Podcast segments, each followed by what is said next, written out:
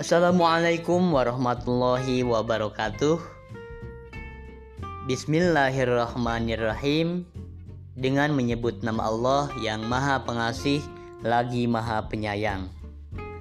Apa kabar anak-anak kelas 9? Bapak Ade Bunyamin kini berada di tengah-tengah kalian dalam rangka PJJ pembelajaran jarak jauh belajar di rumah saja Kali ini Bapak akan menyampaikan materi pelajaran seni budaya tentang pameran.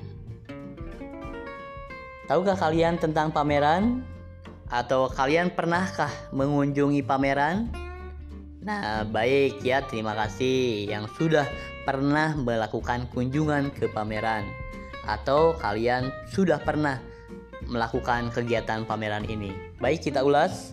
Pameran adalah suatu kegiatan yang dilakukan oleh seseorang atau kelompok untuk mengkomunikasikan, memperkenalkan, memperlihatkan, dan memajangkan hasil karya untuk diamati, dihayati, dan diapresiasi oleh orang lain. Kemudian, karya seni yang dapat dipamerkan di antaranya patung, lukisan, kriya, tekstil, dan berbagai karya seni lainnya. Pameran dapat dikelompokkan berdasarkan jenis karyanya, jumlah pesertanya, waktu, dan tempat pelaksanaannya.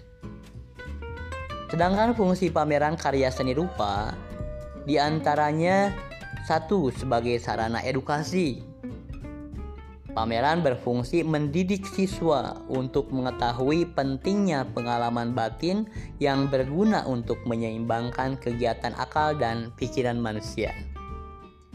Kemudian yang kedua sebagai sarana apresiasi, yakni pameran tersebut diadakan berfungsi untuk mengeluarkan ide gagasan pencipta yang kemudian para pengunjung akan memberikan apresiasi atau memberi penilaian terhadap karya seni yang mereka buat.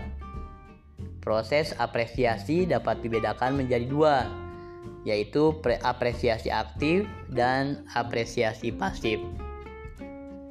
Kemudian fungsi karya seni fungsi pameran karya seni rupa selanjutnya adalah sebagai sarana prestasi yakni pameran dapat menjadi ajang kompetensi eh, ajang kompetisi bagi para pencipta seni karena melalui karya seni kita akan tahu setinggi apa keaktifan dan kreativitas pencipta seni dalam membuat karya. Yang keempat, sebagai sarana rekreasi. Pameran dapat berfungsi sebagai tempat untuk merilekskan pikiran, dan menghilangkan kejenuhan atas kegiatan atau rutinitas sehari-hari, baik itu sekolah, kerja, atau sebagainya yang banyak menguras energi dan pikiran. Baiklah anak-anak, untuk selanjutnya tentang unsur-unsur pameran seni rupa. Di antaranya, karya-karya seni rupa yang akan dipamerkan, panel atau sketsa, standar display atau box untuk memajang karya seni yang akan dipamerkan. Dekorasi, perlengkapan untuk menyajikan karya seni agar lebih indah.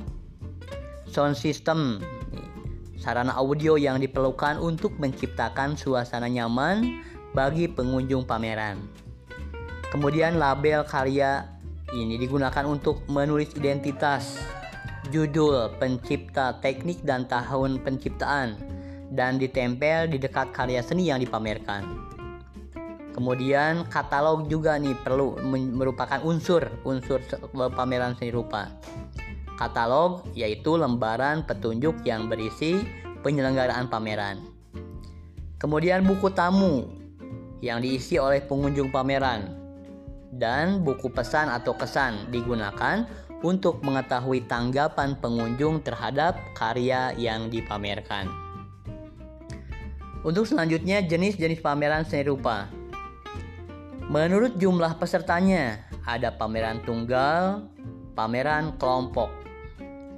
Kemudian menurut sifatnya, pameran itu ada pameran insidental, pameran rutin, dan pameran permanen.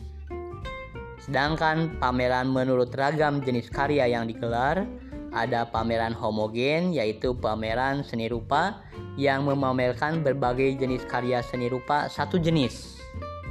Kemudian yang kedua ada pameran heterogen yaitu pameran seni, rupa yang memamerkan satu jenis karya seni rupa atau lebih seragam.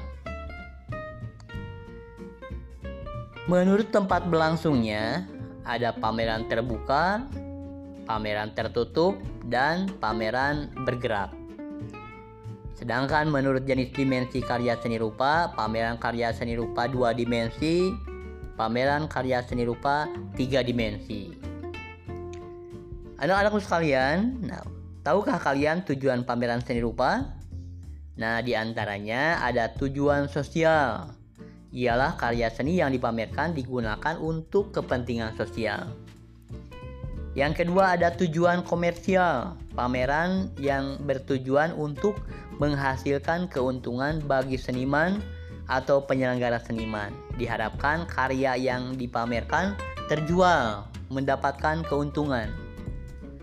Yang ketiga, tujuan kemanusiaan ialah demi kepentingan pelestarian, pembinaan nilai-nilai serta pengembangan hasil karya seni budaya yang masyarakat miliki. Penjualan karya dengan tujuan ini akan disumbangkan ke panti asuhan, korban bencana, maupun masyarakat kurang mampu.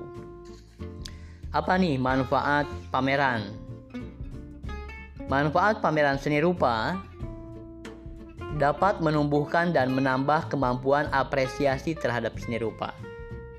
Dapat melatih diri untuk dapat bekerja sama dengan orang lain, dapat melatih sikap tanggung jawab dan mandiri, dapat menumbuhkan motivasi, dapat menghilangkan rasa stres dan jenuh, dapat dijadikan sebagai sarana promosi. Sedangkan prinsip dalam penyelenggaraan pameran seni rupa ada prinsip interaksi, prinsip inisiatif, prinsip repetisi, prinsip integritas, dan prinsip efisiensi. Selanjutnya, dalam pameran itu harus ada perencanaan.